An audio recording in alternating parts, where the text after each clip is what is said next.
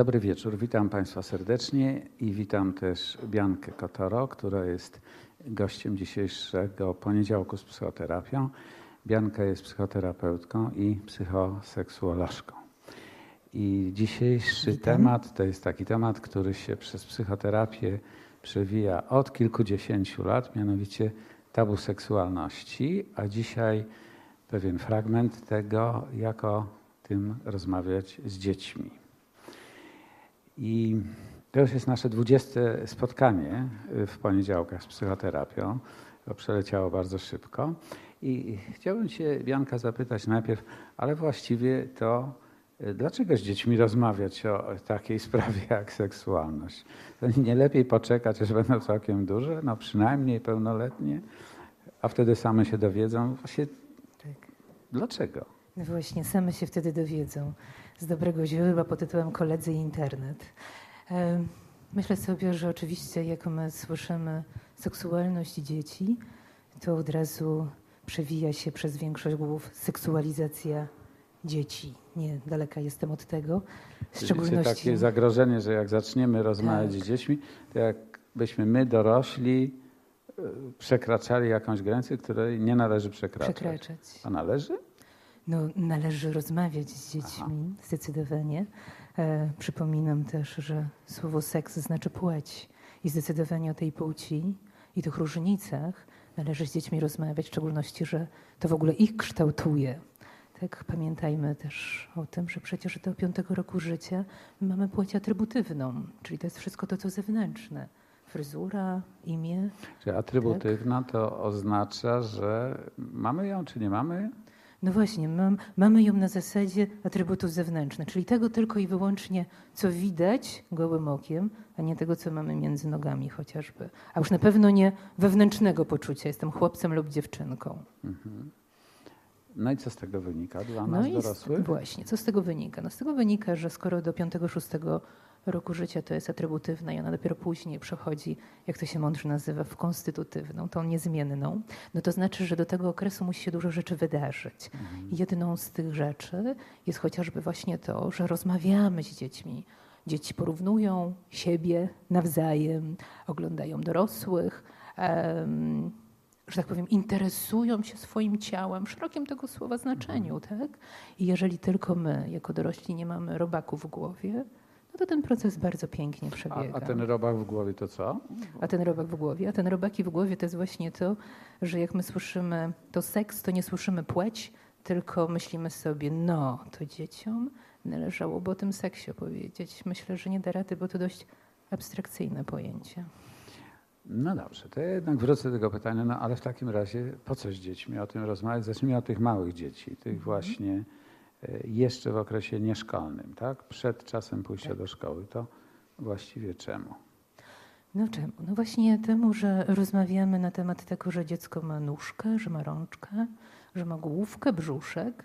E, fantastycznie uczymy. Jesteśmy bardzo dumni, jak dziecko mówi, że w uchu jest kowadełko, a ręka ma kciuki, palec wskazujący.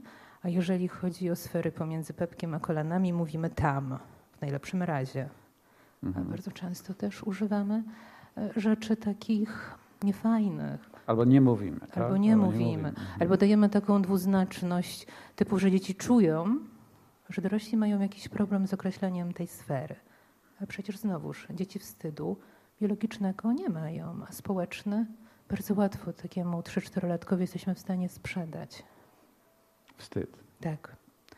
Ale rozumiem, że tutaj jest y, taki wstyd ewentualny, który by dotyczył tego, czego w ogóle nie ma żadnego sensu się wstydzić, bo jest y, coś absolutnie naturalnego w tym, z jakich części składa się ciało. Ależ absolutnie. Mhm. Przecież to jest dokładnie nieraz to pytanie, no po co to dzieciom? No przecież człowiek jest całością.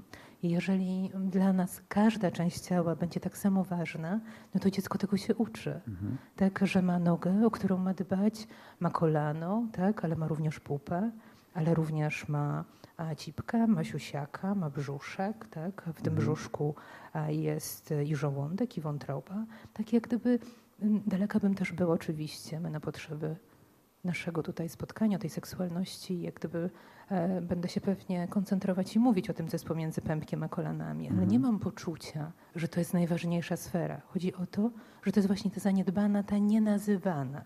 A chodzi o to, żeby płynnie mówić i nazywać, czyli w całości. Cudownie jak dziecko przecież przechodzi ten trening, kiedy w łazience uczymy go myć. Tak, umyj rączki, umyj buziaka, umyj brzuszek. Mhm. I może właśnie nie mówmy umyj tam, tylko umyj pupkę, tak? Umyj cipkę, tak? Umyj siusiaka, umyj teraz kolanko, po kolei. I jeżeli my tylko nie mamy z tym problemu, no to dzieci to przyjmują przecież. Czyli mm, to jest też taka bardzo ogólna wiedza, która mówi, że jeżeli coś nie jest nazwane, nie ma słowa na opis, to tak jakby nie istniało. Dokładnie. No, ale dziecko widzi, że to istnieje, a jeżeli nie ma słowa, to co się dziwnego zaczyna dziać wokół tego nienazwanego, tak? Tak, no, zaczynają się dziać dziwne rzeczy, albo to, co, z czym radzą sobie bardzo często dorośli, czyli pod tytułem, a no, jak Państwo słyszeliście, używałam takiego języka potocznego, ale prawidłowego.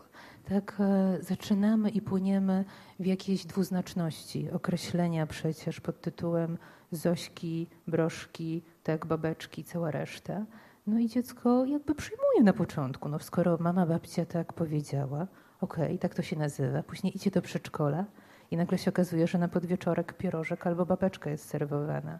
Aha. No i dziwne I tam nie się całkiem wtedy. to oznacza I nie to całkiem to oznacza tam. Tak, to taka ostatnia też właśnie historia z przedszkola, kiedy taka bardzo entuzjastyczna pani od rytmiki przyszła do grupy sześciolatków z wielkim aplauzem. Mówi, mam, mam, chłopcy, mam fleciki, będziemy grali. No i tam dzieci hura, hura, za wyjątkiem dwóch, którzy stanęli jak wryci i ona dopiero po kilku minutach zorientowała się, o co chodzi. Mhm. I jeden w końcu podszedł i mówi tak, ale mama nie pozwala mi spodni ściągać.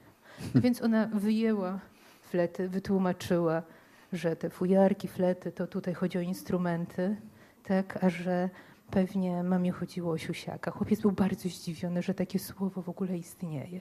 I zobaczcie, co robimy dzieciom zupełnie niepotrzebnie. Mhm. Bo też być może częścią kłopotu, z jakim zmagają się rodzice, jest to, że z nimi nikt nie rozmawiał, kiedy byli mali, albo rozmawiał za pomocą broszek i flecików. Tak, Mhm. Tak. No, no niestety, ja, ja rozumiem, my to przekazujemy później. Byliśmy tak uczeni. E, gdzieś też, nawet właśnie jak ktoś mówił o tych broszkach, flecikach czy ptaszkach, no to na ogół miał też taką minę, jakby padlinę jadł, tudzież mówił o czymś zupełnie niezwykłym. A to nie o to chodzi, bo oczywiście dzieci wyczuwają to, że to jest coś innego, a nie powinno być, bo to ma później swoje przełożenie i na dorastanie, ale również później na całą dorosłość naszą, bo fundamenty przedszkolne no, są tymi podstawowymi. A Jeszcze można też, być może warto dodać, że wyczuwają to, Tak, to nie, nie jesteśmy tutaj tylko w metaforze, tylko wiemy, że człowiek ma takie e, umiejętności związane z istnieniem neuronów lustrzanych. To jest takie odkrycie ostatnich kilkudziesięciu lat. Ja powiem, że ne- neurony lustrzane są między innymi po to, żeby bardzo szybko e, reagować emocjonalnie na taki przekaz. Więc Przekaz. jeżeli y, dorosły się czegoś wstydzi, to y, neurony lustrzane są po to, żeby ten wstyd był bardzo szybko odczytany jako emocja taka wiodąca. U osoby zależnej, no w tym wypadku dziecka, Dziecka. bo to niezwykle przyspieszyło w rozwoju ludzkości, jak nauczono się rozpoznawać te emocje poza w ogóle świadomą refleksją. Ja rozumiem, że tutaj jest to jeden z wielu przykładów, że jeżeli jest jakiś wstyd, jakaś taka Dokładnie. trudna emocja, nie- nienazwana właściwie, to dzie- dziecko to odbiera, ponieważ Tak, ma neurony lustrzane. Tak absolutnie. jak każdy z nas ma. Tak? Nie, że dziecko, to one nie zanikają później, Absolutnie. tylko że ma. Tylko tak ym, chciałem też, żebyśmy wyszli poza tylko taką ewentualną metaforę, że tam odbierają, wyczuwają i tak dalej, no bo po prostu tak jesteśmy e, Skonstruowani. skonstruowani. Tak. Także uczymy się emocji, e, na przykład w takich sytuacjach. Później ten wstyd zostaje skojarzony z tym obszarem ciała, absolutnie. albo z tym flecikiem, czy z tą Dokładnie. broszką. Dokładnie. Mhm. No to są małe dzieci, tak? Małe dzieci, czyli mamy okres przedszkolny. Tam się mówi, że w tym czasie jest też jakiś taki y, też ważny okres, kiedy jednak ten mm, obszar y, budzi większe zainteresowanie niż chwileczkę wcześniej i być może nawet większe niż chwileczkę później. No Tak? oczywiście, to jest Mhm. dokładnie ten okres przedszkolny, ale też pamiętajmy, że w tym okresie dzieci w ogóle eksplorują i fascynują się światem. Tylko, że myślę sobie, że musimy wrócić do nas dorosłych. Mhm. Jeżeli dziecko nas się po raz 17 pyta o słowo enter czy wyloguj, które jeszcze dwie dekady temu nie za bardzo funkcjonowały w naszym języku. Je, jeszcze raz, jeszcze raz, jakie słowo? Enter albo wyloguj, Mhm. tak, i one nie funkcjonowały, e, to my nie mamy problemu. Bez problemu opisujemy po raz enty dziecku, co to znaczy. Ale jeżeli dziecko po raz siódmy zapyta się o pępowinę albo o tego siusiaka, to natychmiast dorośli mają takie poczucie, coś nie tak, coś nie tak z naszym dzieckiem, coś nie tak z tymi dziećmi, one właśnie Albo są z takie nami być rozbuchane. może coś nie tak, z Tak, nami. albo z nami coś nie tak. No nie, to jest normalne, ale też no właśnie do tego, co na samym początku było powiedziane, do tej, że, żeby ta płeć zaczęła być taką płcią, rzeczywiście czuję wewnętrznie, do jakiego świata chłopców czy dziewcząt należę, e, nieważne jakie będę miał te atrybuty zewnętrzne, no to mm, kwestia tego poznania, nazwania jest dlatego tak bardzo ważna, tak? Jest kluczowa jest też właśnie to, co nieraz y, dorośli mówią, to takie rozbuchanie, no bo jeżeli dzieci bawią się tak zwanego lekarza, zresztą ja często dorosłym mówię, że nie zaznał słodyczek, to w przedszkolu się w doktora nie bawił. Chyba, że jacyś głupi dorośli przyszli i powiedzieli nam, że tak nie wolno, tak, i że jesteśmy źli.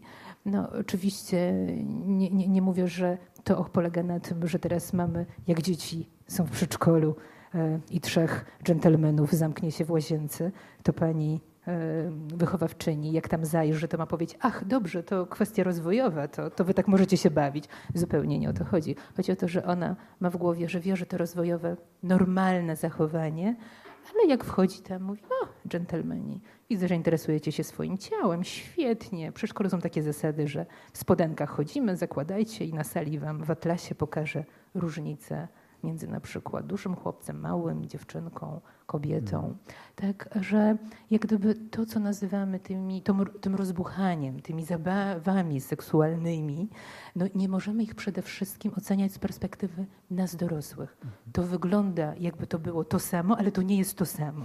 Czyli twoje doświadczenie jest takie, że dzieci, powiedzmy w tym późnym okresie przedszkolnym, y, w sposób oczywisty interesują się, Tak.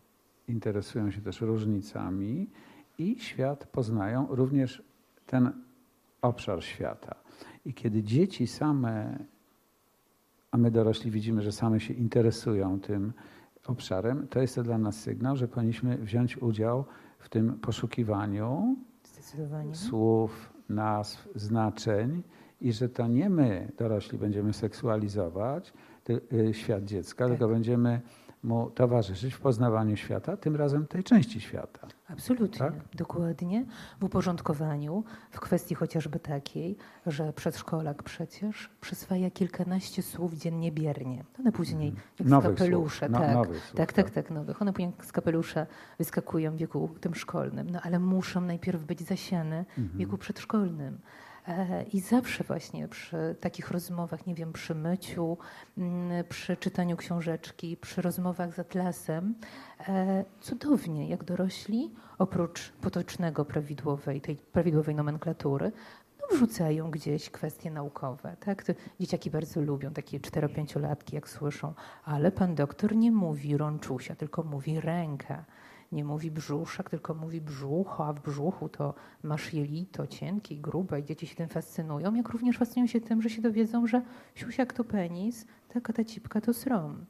E, No ale warunkiem jest to, żeby dorośli swobodnie, jak o każdej innej części mówili. I to, czy przedszkolak powtórzy te naukowe rzeczy, to nie o to chodzi. Chodzi o to, że on je usłyszał, były, zaistniały i one później w kolejnych etapach życia się bardzo przydadzą. Czyli jeśli ja to dobrze mm, rozumiem, popraw mnie, jeśli byłoby inaczej, to po pierwsze jest ważne, żeby odpowiadać na zainteresowanie dziecka. Tak, Po drugie, żeby używać słów, które dla dziecka są nowe, ale oznaczają obszar, którym on się interesuje. dokładnie.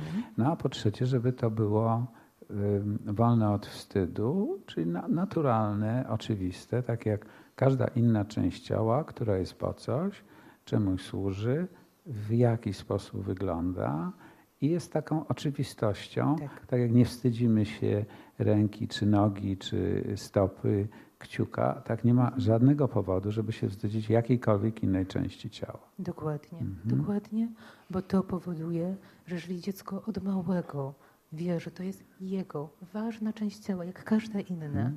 E, i nie mamy przy tym jakichś, no właśnie, nie sprzedajemy dziecku naszych konotacji emocjonalnych, no to wtedy to jest Trudnych, cudowne. takich naszych trudnych Tak, oczywiście, bo my, Mhm. bo my niestety bardzo często mamy tutaj pewne nasze, no, to co ja nieraz Mhm. się śmieję, takie robaki, które nam sprzedano, takie, które nam towarzyszą.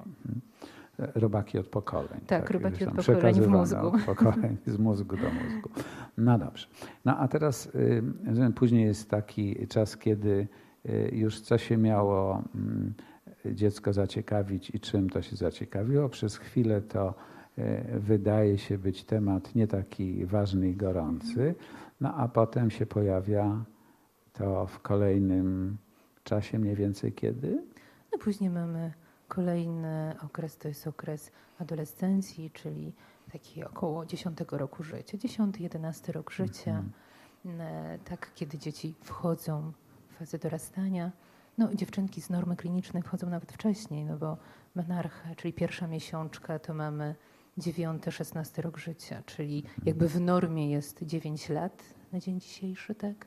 Co będzie oznaczało, że do średniej, no czasem wchodzą dziewczynki, które mają po 7-8. Mhm. Czyli już tutaj może się zacząć. Y, I wtedy na skutek tego, co się dzieje z ciałem, to ym, zogniskowanie na tym obszarze związanym z seksualnością i z cielesnością w tym obszarze wraca, tak? Wracam, tylko wraca w zupełnie jakby innej odsło- odsłonie, bym I powiedziała. Właśnie jaka jest różnica tej No drugiej właśnie, odsłony, dlatego że odsłony? tam była ciekawość, tam było poznawanie, tam była fascynacja tym, że to moje i rzeczywiście dotykanie własnego ciała jest czymś przyjemnym, ale Mhm. nie erotycznym, no bo nie mamy hormonów jako małe dzieci. Tak? Przedszkolak ma ich tyle samo co noworodek, tylko tak noworodek 50-60 centymetrów, w przedszkolach zdecydowanie więcej, a te hormony pozostają.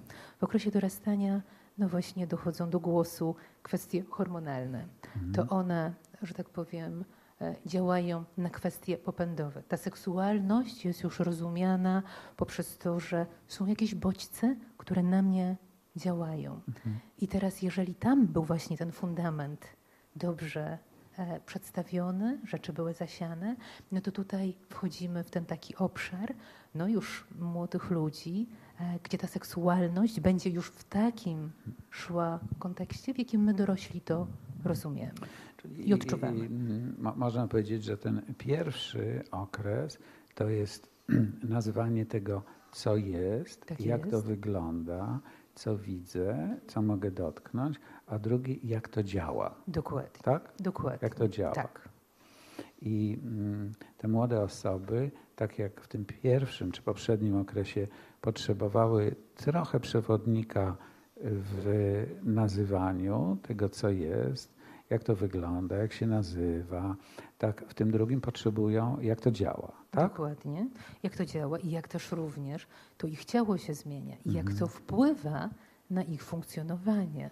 Tak, e, jak to się dzieje, no że właśnie, że, że chłopcy nagle mówią ojejku, tak? Nie, nie tylko staje się nieproporcjonalny, no bo oni zaczynają to widzieć, że te Mhm. ręce dłuższe, nogi nie tak jak powinny być, no ale również, e, że czasem budząc się jest mokro trochę w łóżku. No i teraz jeżeli z tymi chłopcami nikt chociażby o tych polucjach nie porozmawia chwilę wcześniej, no to narażamy ich na, na wielki stres i to, co się ze mną dzieje. No, mam 11-12 lat i co? Zesikałem się do łóżka? Mhm. I może jeszcze mm, warto powiedzieć, że y, y, dzieci, czy w tym okresie wcześniejszym, czy późniejszym, i tak są bardzo aktywne i będą szukać odpowiedzi na ważne dla nich pytania. Ale I rzeczywiście, albo że tak. znajdą y, w środowisku rówieśniczym, bo tam zawsze znajdą, tak. ale też mogą znaleźć nieco inną opowieść czy inne informacje u dorosłych. I jeśli dorośli będą pasywni w tym zakresie, to wszystko, absolutnie wszystko, co młody człowiek będzie wiedział, będzie pochodziło od rówieśników z internetu.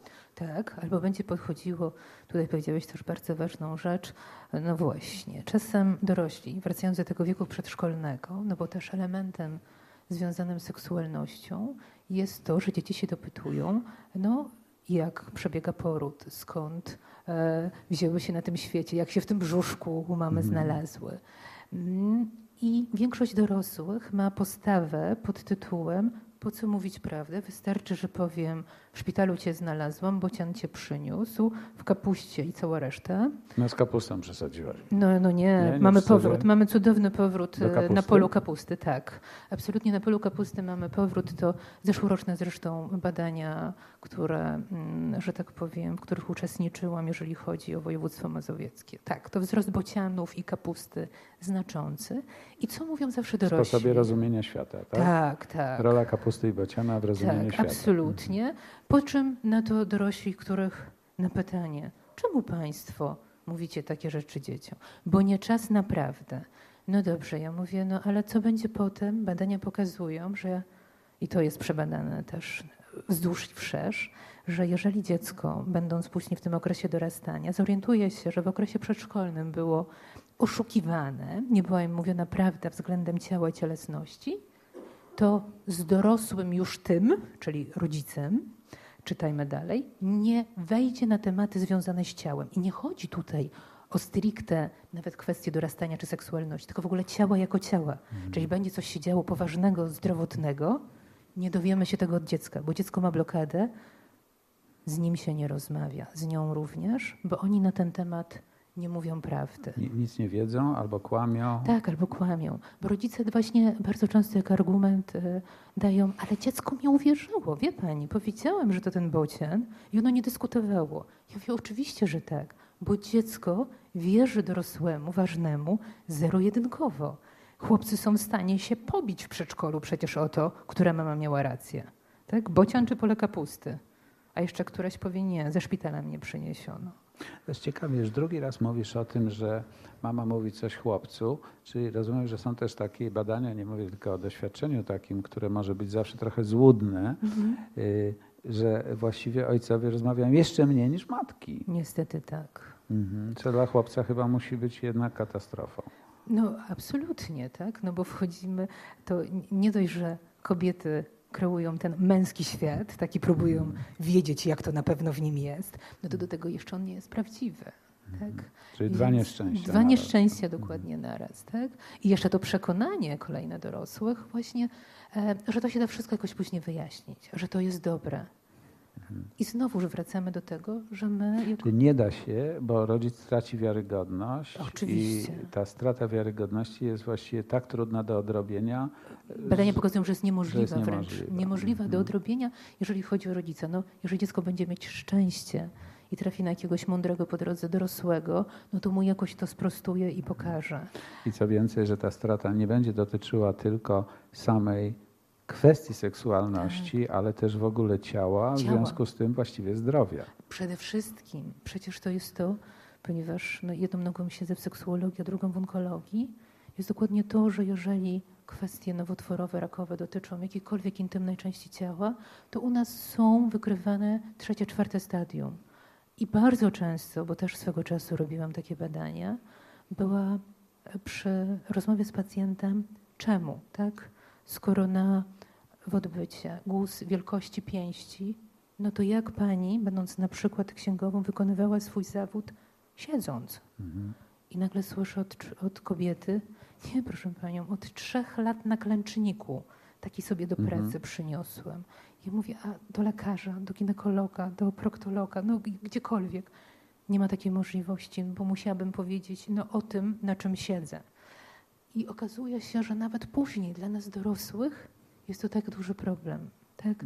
Więc stąd e, bym powiedziała taki apel o to, żeby się nie bać, bo to się przerzuca nie na kwestię tylko tego dorastania, tej seksualności, tak, która powinna być piękna, a przestaje być w tym momencie, ale w Bo na ogóle przykład kwestię jest wstydliwa. Tak? Na Absolutnie, przykład- tak wstydliwa, nieodpowiednia, a później poprzez ciekawość młodych ludzi sprowadzona do bardzo technicznych spraw, tak zaczerpniętych chociażby z pornografii. No bo ona staje się lekcją nagle później podglądową.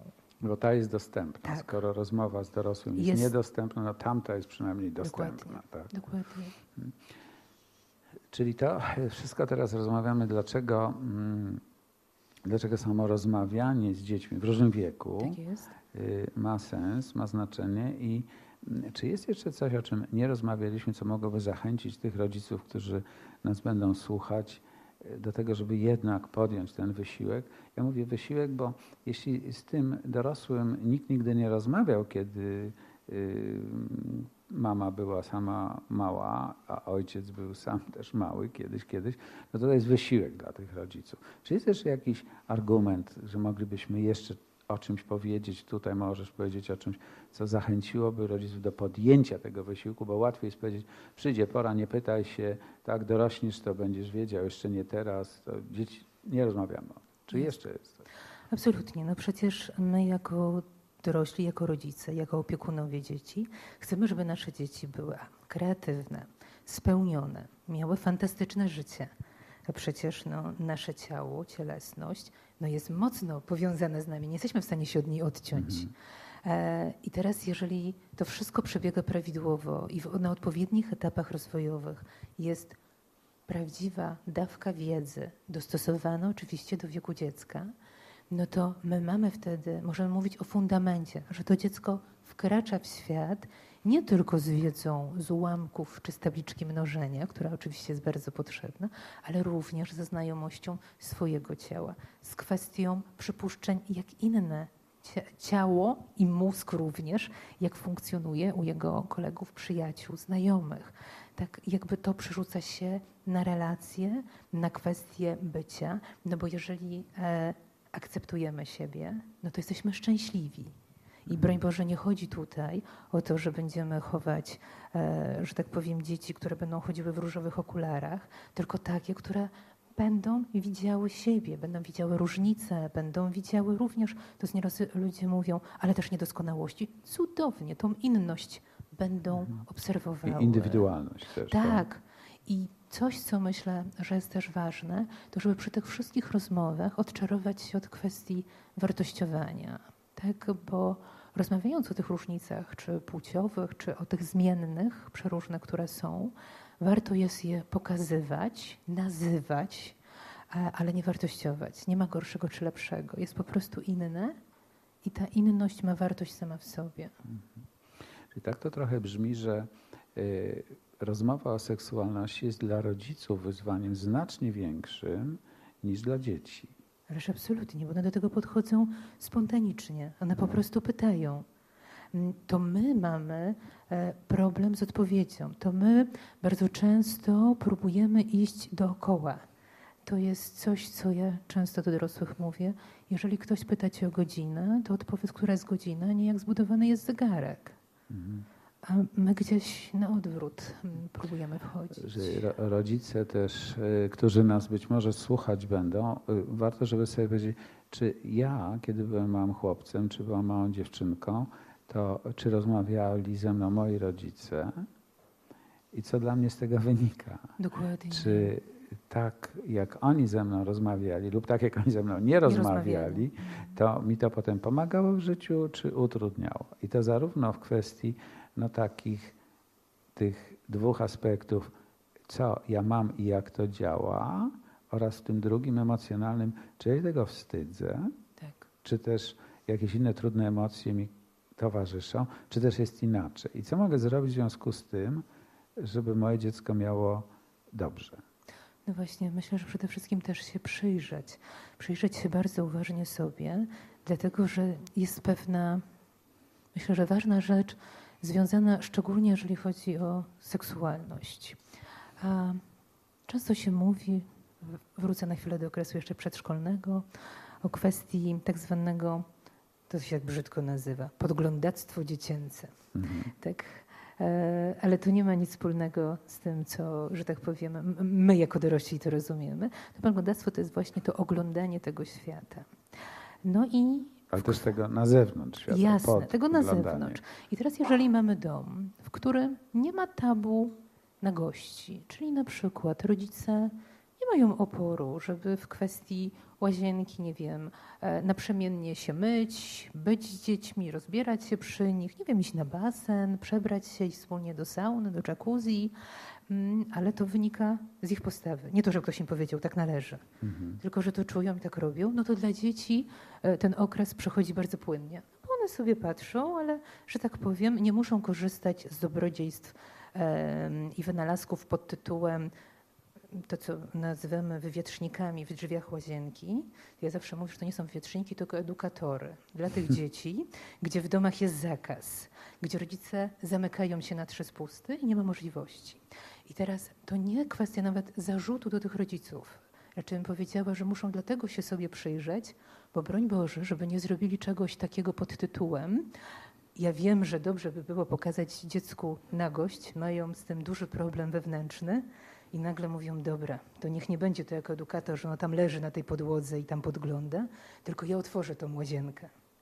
No bo to jest wtedy, że tak powiem, no, nadużycie siebie, ale również dziecka, ponieważ ta rzecz ma być czymś spontanicznym i płynnym. Jeżeli nie jest, to coś, co często mówię, nawet jeżeli, jeżeli wiemy, jak coś zrobić, ale to jest dla nas za trudne i bardzo dużo lęków i obaw wyzwala, poczekajmy, przyjrzyjmy się najpierw sobie, jak możemy pokonać nasz strach i lęk z punktu dorosłości. Ponieważ prawdopodobnie mieliśmy sami rodziców, Dokładnie. dziadków i pradziadków, którzy mieli z tym duży kłopot, no bo jak y, wiadomo trochę z historii psychologii, to ci psychologowie, którzy byli kilkadziesiąt lat temu i już w ogóle było samo y, trudne mówienie o seksualności i y, w takim pionierskim okresie psychologii, no to psycholog był utożsamiany ze sobą głęboko niemoralną i lepiej byłoby nie siedzieć z nim przy stole jednym, bo nie wiadomo, co jeszcze Co powie jeszcze powie. i wtedy nie wiadomo będziesz zupełnie, co z tym zrobić, nawet jeśli się odezwie wśród dorosłych. Dokładnie. Tak, więc y, e, to też pokazuje trochę, jak powolne są te zmiany, ponieważ y, przebiegałem przez pokolenia tak troszeczkę kropla po kropli. I być może nie byłoby całej tej rozmowy i potrzeby rozmawiania, gdyby nie internet, który jest absolutnie dostępny 24, 7 dni w tygodniu i jest realną alternatywą, że jeżeli dorośli nic nie powiedzą, to nie znaczy, że będzie pusto. Na pewno Oczywiście. powiedzą coś rówieśnicy oraz z całą pewnością powie coś internet na ten temat. Tyle tylko, że będzie to odległe od y, prawdy.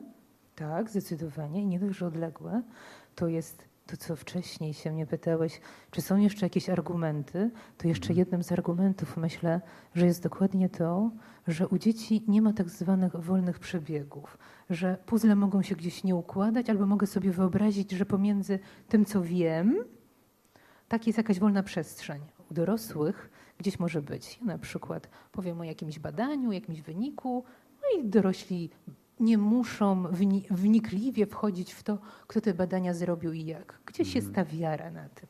U dzieci tak to nie funkcjonuje. U dzieci ma się każdy element ze sobą zgadzać na ich logikę, taką zero-jedynkową, dosłowną. Tak? Więc jak gdyby tutaj musimy też e, o tym pamiętać i to bardzo wpływa mm, na kwestię właśnie tego odbioru i rozumowania. No dobrze, ale ponieważ jesteś też y, psychoseksuologiem, y, to może warto powiedzieć o tym y, trochę, co się dzieje 20 czy 30 lat później. Tak? Dokładnie. Y, Czy z Twojego punktu widzenia, kiedy mówimy o tabu, bo trochę w tytule mamy tabu, ale mm, też rozumiem, że to tabu jest raczej historyczne i to nie jest coś, co byśmy dzisiaj zalecali. Tak, żeby to było Jest jakby tabu. trochę Mhm. y, rozmawiamy o tym, co zrobić, żeby tabu nie było tabu, przynajmniej w tym Tak. zakresie seksualności, żeby seksualność była jedną z wielu oczywistych, naturalnych aktywności dorosłego człowieka, młodego człowieka.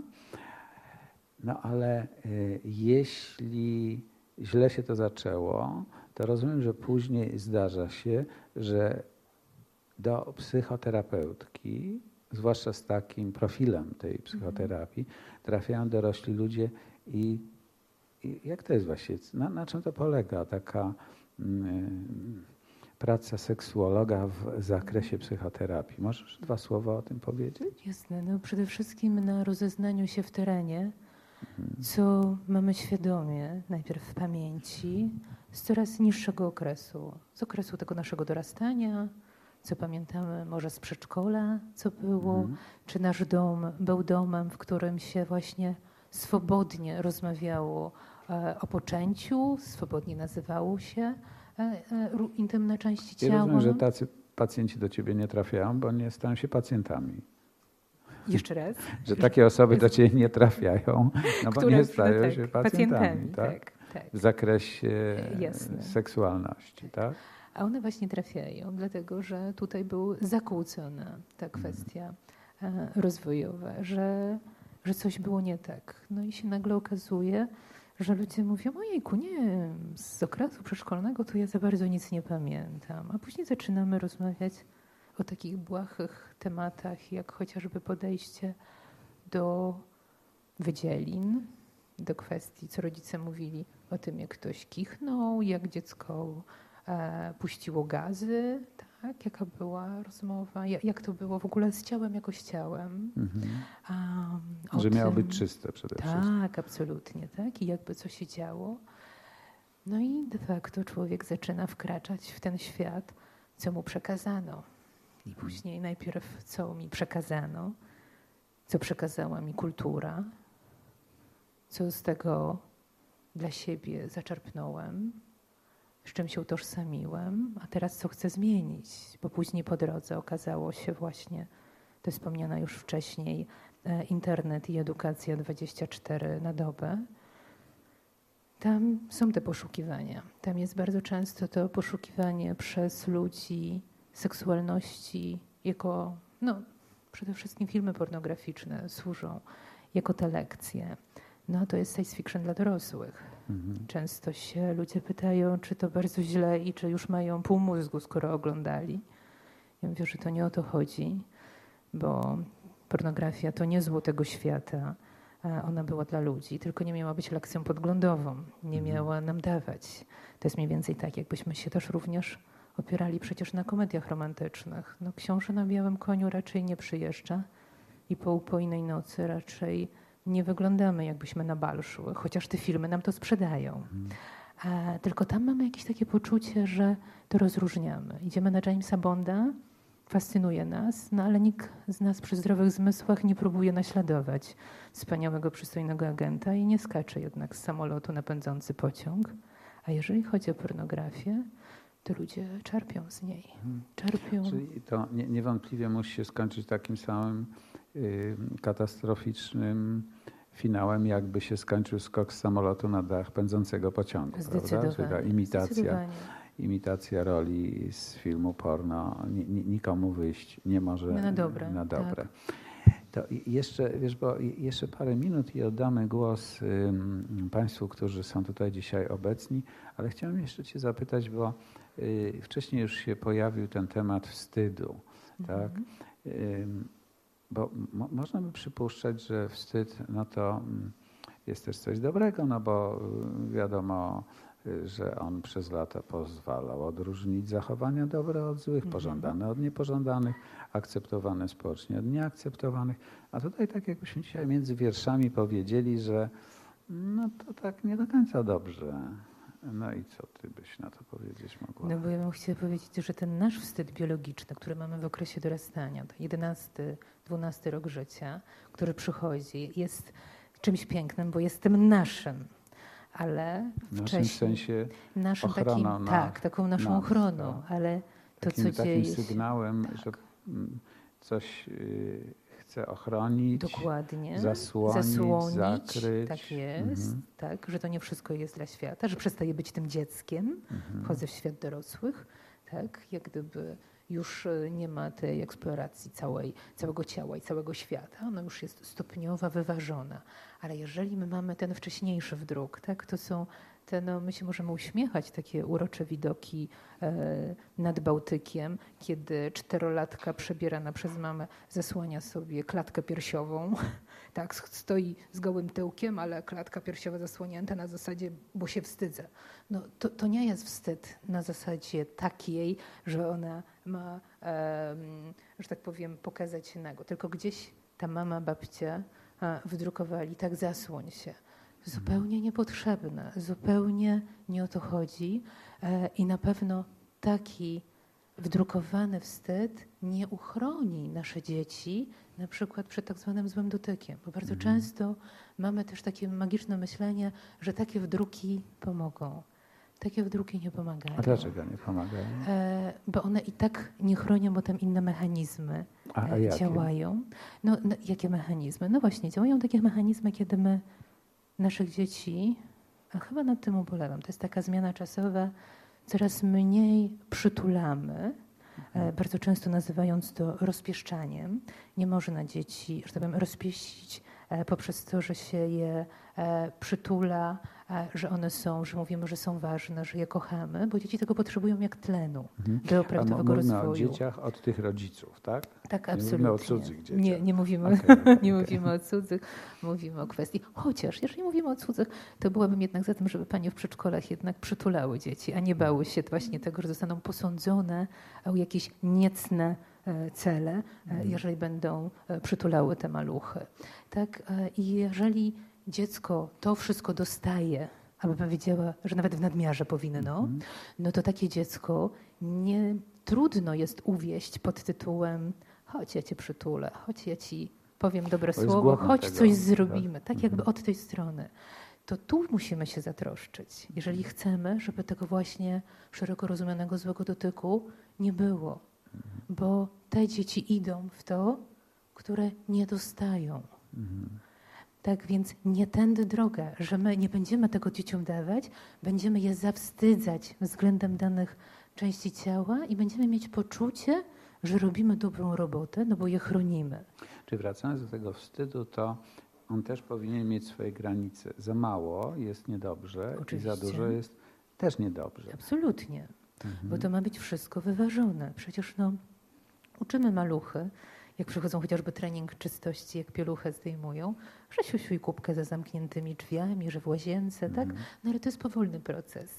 E, to, I bardzo fajnie, że on jest, tylko znowuż bez tych naszych takich silnych wdruków, zawstydzenia, e, upokorzenia bardzo często, bo to się później też kończy w gabinetach tym, że dzieci e, przestają oddawać mocz albo kał, wstrzymują, bo się boją, albo idą do instytucji przedszkolnych, szkolnych i tam nie ma mowy, żeby w ogóle skorzystały z łazienki takiej Mhm. publicznej, no bo właśnie jakiś wdruk dbania o czystość, tylko zupełnie źle, znaczy on nie jest źle pojęty przez dzieci, on jest tak silnie przekazany przez dorosłego, że oni biorą to jako swoje, że, że nie mogą. Czy był na, nadmiarowy? Absolutnie, dokładnie. I podobnie tak. jak z tym wstydem. Y, mo- może być za duży i na przykład w przypadku 3-4-letniej dziewczynki obejmować obszar, który nijak nie jest sensowny, żeby wstyd. Już absolutnie, że Mhm. tak. I tak. to wtedy jest za dużo. To jest za no dużo. i też może być za mało.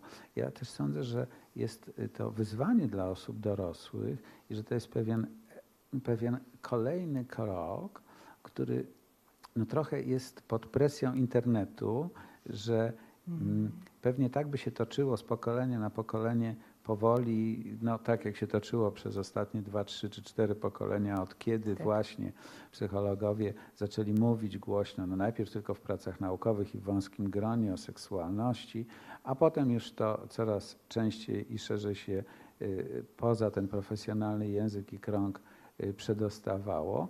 I tak być może byłoby w rodzinach krok po kroku, gdyby nie powszechność tego, co jest jednak dość fałszywą alternatywą edukacyjną. Dokładnie. Mówię o tym też, że y, dla wielu rodziców to jest bardzo duże wyzwanie, ale to, co warto powiedzieć, że tak nie za, y, za dużo czasu nie mamy w sensie pokoleń. Dlatego, że jeśli my zostawimy jako dorośli czy jako rodzice y, ten obszar, to wejdzie, ten, tam nie jest pusta przestrzeń. Nie, nie ma. tylko wejdzie coś, co z całą pewnością jest bardzo trudnym doświadczeniem dla młodego człowieka i trochę mm, otwiera go na świat, na który chyba nie chcielibyśmy, żeby było otwarte jako na świat wzorcowy taki. Dokładnie. Mhm. I dlatego mówię, im szybciej się zatroszczymy, czyli od samego początku, tym te przestrzenie, to my będziemy mieć jako dorośli wgląd w to, co w nich jest. A jeżeli tam nie damy, powiemy kiedyś, potem, nie teraz, za mały jesteś, nie, dziecko pobierze. Dziecko pobierze. I, i, jeśli bym y, zaryzykował taką puentę tej rozmowy, zanim oddamy y, głos Państwu na pytania i refleksje, y, taką puentę, że no jeśli to nie zostanie zrobione, choćby jako tako w dzieciństwie, no to później najwyżej ma szansę być jakoś wysiłkiem terapeutycznym w dorosłym życiu, Tak.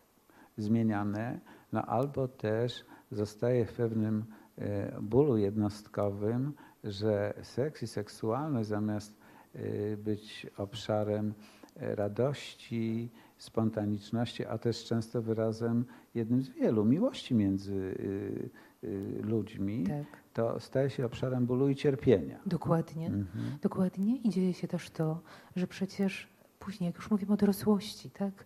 No, jak ludzie często pytają, jaki powinien być seks? No Mhm. powinien być cudowny, dający radość, więziotwórczy. Mhm. I nagle się okazuje... Służący bliskości między Absolutnie, tak? Mhm. I w szerokim słowa tego rozumieniu, nie w takim też skrócie, jak się mówi często przy dorosłości, że seks to się równa penetracja. Mhm. Tak jakby znak równości stawiamy. A nie patrzymy no, na całe spektrum tego, e, no właśnie, tej naszej intymności i spotkania z drugim człowiekiem. Ale żeby tak to mogło być, to my nie możemy do niego podchodzić technicznie. Musimy całościowo. I to, jak zasiejemy za młodu, to tak pójdzie później i będzie. I nawet jeżeli ktoś z dorosłych powie, a gdzieś tam moje dzieci może po drodze będą eksperymentowały, może i będą, ale dobry przekaz to tak, to te rzeczy po drodze niefajne będą przysłowiowym tylko eksperymentem. No bardzo Ci Beata dziękuję za Bardzo dziękuję. tę część rozmowy.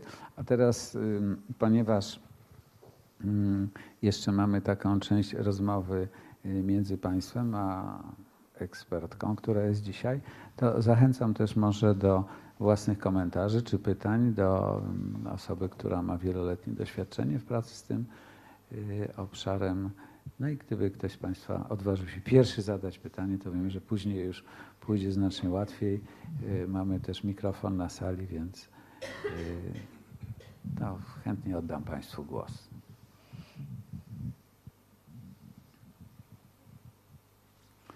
Temat jest trudny, na sali nie ma dzieci Możemy śmiało różne rzeczy pytać. lub komentować. To mikrofon, jeżeli możemy.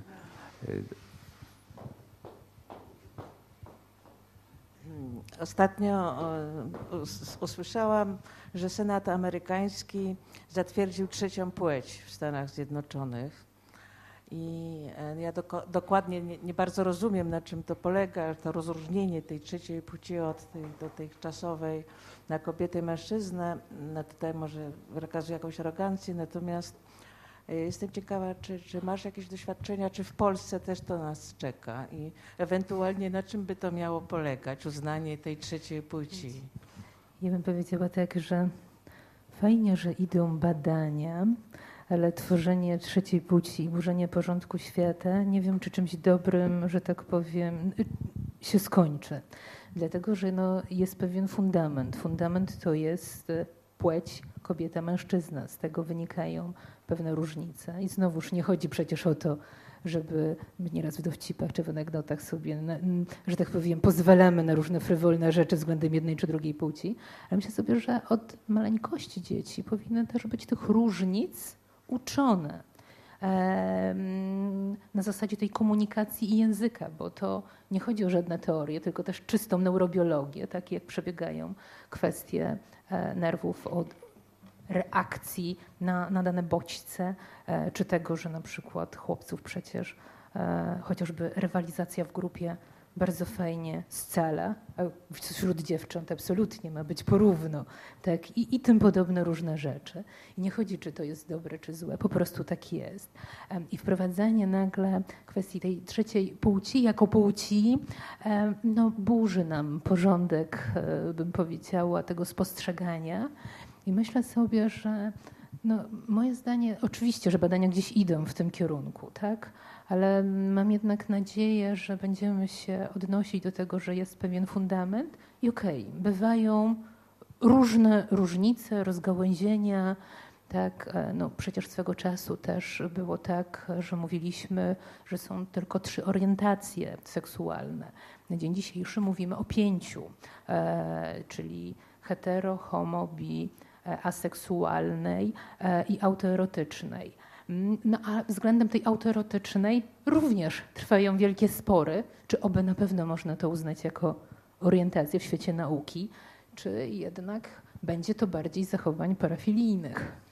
Więc no tutaj myślę sobie, że jeszcze świat nauki dużo ma, ma do zrobienia. Mam tylko zawsze taką nadzieję, że zostanie zachowany tak zwany zdrowy rozsądek. A jego czasem myślę sobie, że nawet przy kwestiach stricte naukowych zaczyna brakować.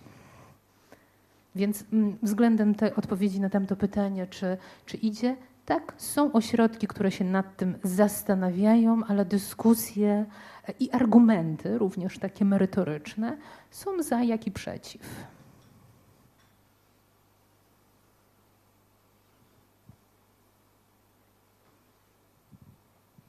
Czy ktoś jeszcze?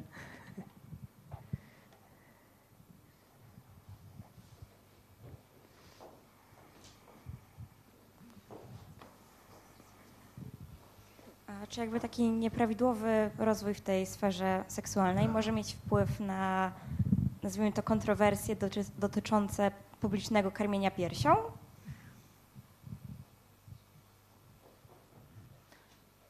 Czy kwestie kontrowersji? Znaczy, względem karmienia piersią oczywiście, że są wielkie kontrowersje pod kątem takim, że jest część grupy społecznej, która uważa, e, kwestię karmienia jako akt, no, bym powiedziała, erotyczny i pobudzający. No, tu by się trzeba zapytać tych ludzi, którzy tak to odbierają, czy oby na pewno tak, taki bodziec e, wzrokowy pod tytułem Kobieta karmiąca, no, powinien pobudzać seksualnie. Ktoś by powiedział, czy w seksuologii jest coś takiego jak powinno lub nie powinno. Kwestia jest tego, na ile ten ktoś zostawi to dla siebie, a na ile będzie kwestia walki o tym, że na przykład w miejscach publicznych nie powinno być karmienia. I znowuż tutaj to, co ja często mówię, zdrowy rozsądek by się przydał, bo to, że jestem bardzo za tym, żeby kobiety karmiły piersią, to oczywiście nie polega też na tym, żeby na e, uroczystym przyjęciu e, siadać przy stole, tak? I kiedy inni, że tak powiem, oddają się rozmowie, tudzież jedzą, e, kobieta zacznie karmić jakby myślę sobie, że e, potrzeba wyważenia tego wszystkiego, tak? Zostawienia kwestii takiej, co jest biologiczne, fizjologiczne, z przyzwoleniem, nie ma tabu, tak? ale jednocześnie też e, no, nie przeginaniem w drugą stronę. Bo tu myślę sobie, że jako społeczeństwo bardzo często nie mamy tego środka, tej szarości. Taka jest skrajność, tak? Albo nie wolno karmić, albo wolno i jest to wolno, za tym wolno stoi dużo różnych rzeczy. Ale względem tego, że jest dyskusja, że to jest sporo osób, na których to działa erotycznie, no, zawsze zastanawiać się nad tym, że trzeba byłoby porozmawiać i przebadać te osoby, w jakim stopniu tak, że to wywołuje tego typu skojarzenie, tak, pobudzenie. Jakby, jakby nie chodziło mi o pobudzenie, tylko nie wiem, powiedzmy, że ludzie uważają to za jakieś niesmaczne, niewłaściwe. Czy jakby to, że od dziecka mamy jakieś tabu nawet samej nagości właśnie, tak jak pani mówiła, czy to się może jakoś łączyć? Oczywiście, że może, bo jeżeli było na przykład wpajane, e, bardzo często mm, inaczej, zacznę od tego. Przychodzą czasem kobiety w ciąży i mówią do mnie, chciałabym karmić piersią i nie dam rady. Nie czy są jakieś przeciwwskazania medyczne, coś się dzieje. Nie, nie dam rady mentalnie, bo piersi są dla mojego partnera, tudzież męża zarezerwowane, nie dla dziecka. No i jakby przepracowanie takiego w druku bywa bardzo trudne i ciężkie, tak? Z kwestii, no właśnie to, co będziemy uważać za jakąś normę, ale mamy też normy kulturowe. Proszę pamiętać, że są kraje, w których, no nie wiem, e, można w miejscach publicznych się załatwiać. Tak? Mówię o oddawaniu potrzeby fizjologicznej. No, w naszym jest jednak przyjęte, że jednak tego nie robimy, ba nawet prawo to ściga. Tak? Za nieobyczajne zachowanie grozi nam dość spory mandat. I nie chodzi o to, żeby znowuż gdzieś e, przeginać w jedną lub w drugą stronę, ale na pewno to, co Pani mówi, jeżeli mamy różnego rodzaju wdruki od dzieciństwa, no to jednym z nich może być to, że to jest niefajne, niesmaczne, nie należy, albo że w ogóle nie mogę ja jako kobieta na przykład karmić, bo sama jako na przykład matka mam z tym opór, tak? Że nagle okazuje się, e, że te piersi są tylko i wyłącznie spostrzegane jako taki narząd strefy erogennej, tak, związany z seksualnością, a nie chociażby e, z piękną kwestią macierzyństwa. Czy odpowiedziałam, czy bardzo dziękuję.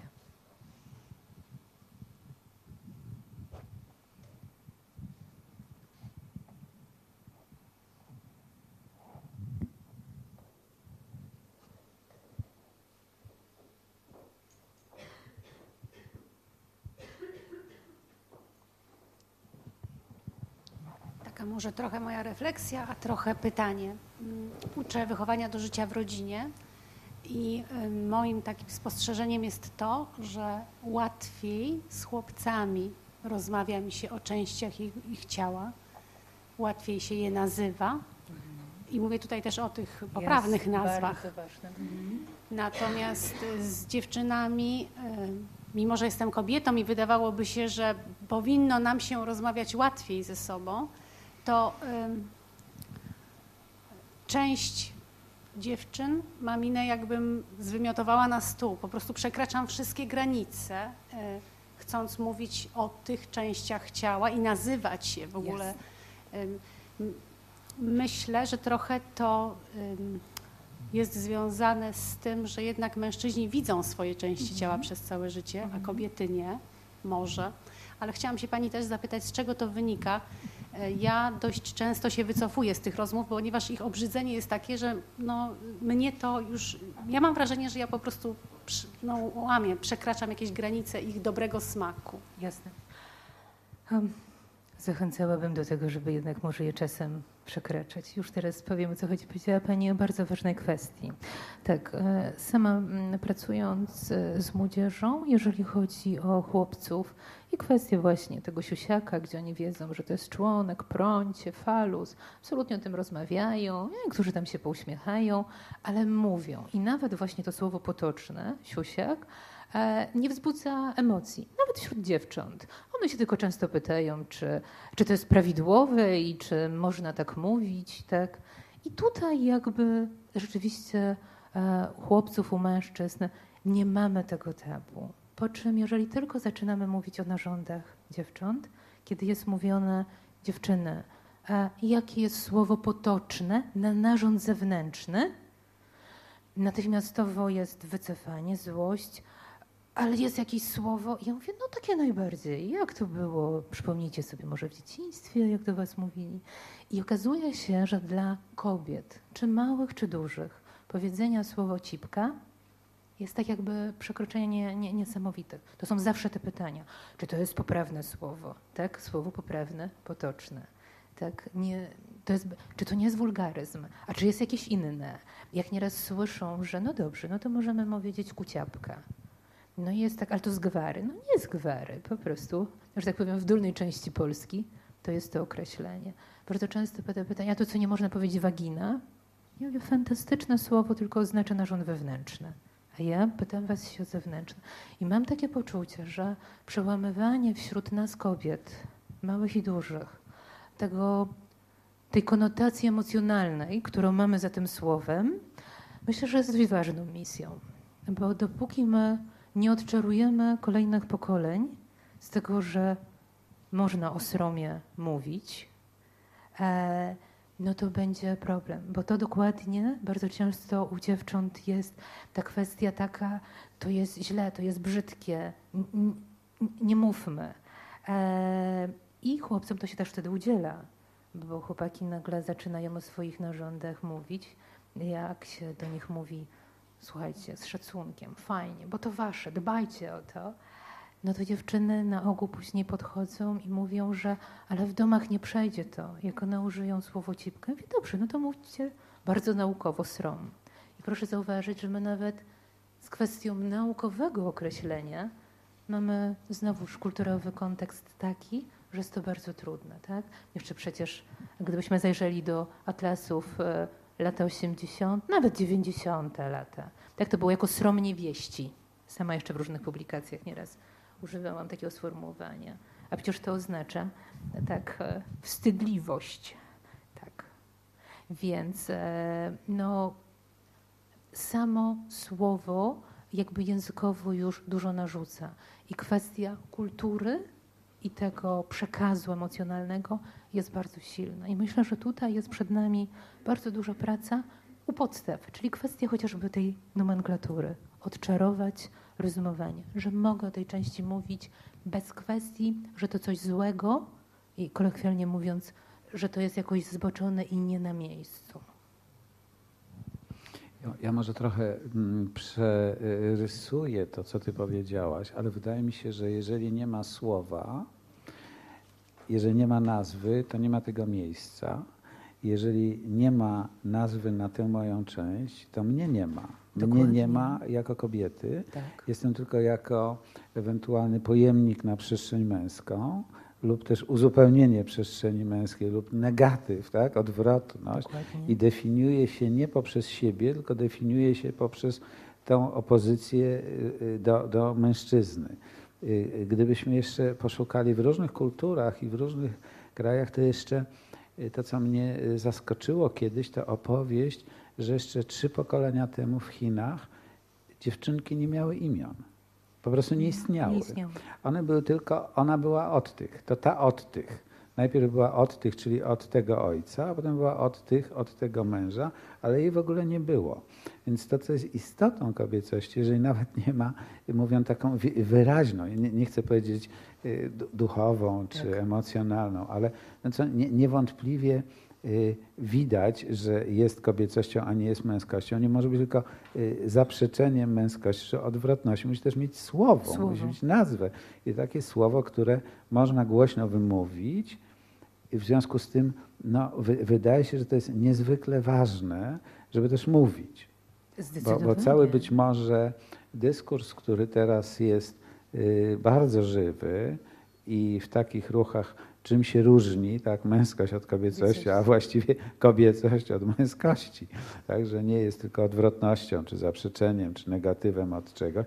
No, jest naprawdę, też ma tę swoją część, o której ty teraz mówisz. Jeżeli nie będzie nazwy, to jak nie ma nazwy, nie, nie ma słowa, nie istnieje rzeczywistość. Ależ oczywiście. Dlatego tutaj myślę sobie, że właśnie kwestia nazywania jest bardzo ważna. Bardzo. Tak, i, ale to jest, co bym powiedziała, my jesteśmy pokoleniowo zaczarowani. Tak, przecież to słowo ile emocji budzi. I to już nie chodzi nawet wśród, tak jak pani powiedziała, młodych dziewcząt.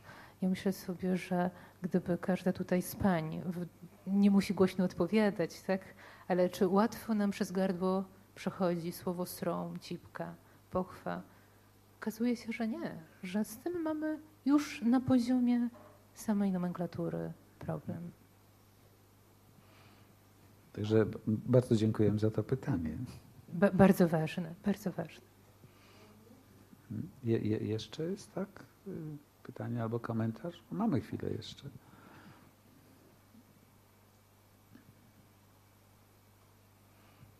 To jeżeli nie ma, to ja jeszcze mam. Powiedziała Pani, i ja nie zrozumiałam tutaj, bo Pani powiedziała w pewnym momencie, że w e, wieku przedszkolnym chodzi mi o to, że nie mają jeszcze tych hormonów i e, ja jakby nie do końca rozumiem, czy to chodzi. Zaraz.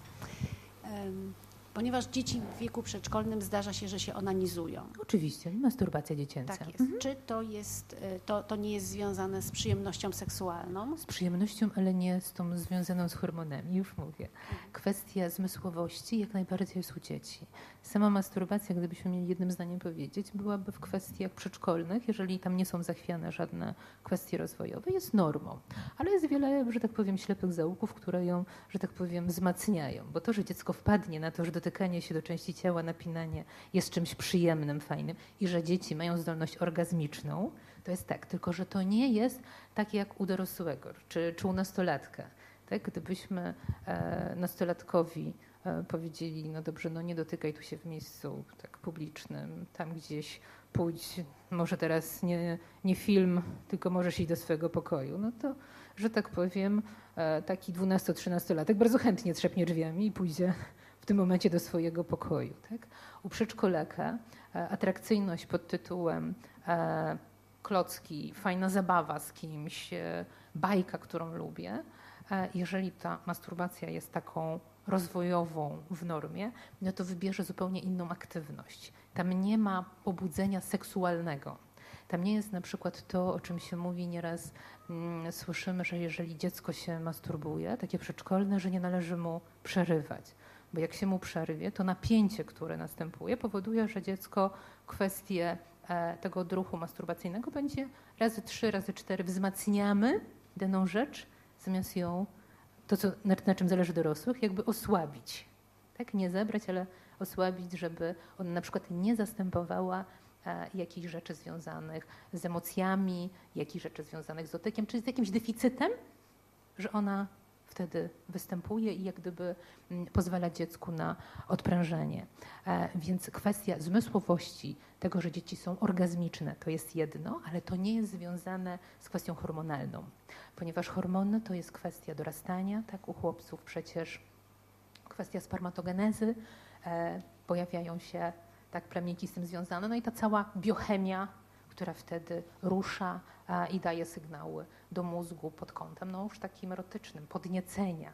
Tak? E, Dziecka, no na przykład, mm, jeżeli ktoś by powiedział, że przedszkolak może na przykład wparować do sypialni rodziców i ich podglądać, no to nie będzie żadną normą, bo żaden przedszkolak nie stanie, który nie był, nie wiem, nadużyty, cokolwiek by się z nim nie działo, a obserwował akt seksualny dorosłych ludzi, bo przedszkolak e, akt dorosłych ludzi odbierze jako akt agresji.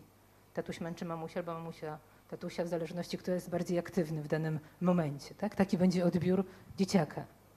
E, U nastolatka przecież, tak, który ma już kwestię hormonalnego podniecenia, ja nie mówię, że on będzie podglądał, ale nie będzie reakcji pod tytułem, że to jest akt przemocy, tylko coś, no, co może w jakiś sposób zadziałać, wejść w pamięć, może oczywiście wzbudzić oburzenie i odrazy na zasadzie, o Jezu, jak to moi rodzice, przecież rodzice tego nie robią, dziadkowie to już w ogóle, więc tak jakby wywołuje to różne emocje, ale te emocje są pomieszane również no, z kwestią, że obraz ciała działa podniecająco.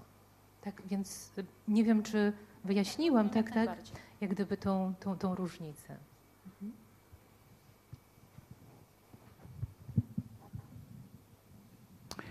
To bardzo Państwu dziękuję i bardzo Ci dziękuję Beato za to spotkanie. Bardzo proszę, bardzo Y, dziękuję za zaproszenie.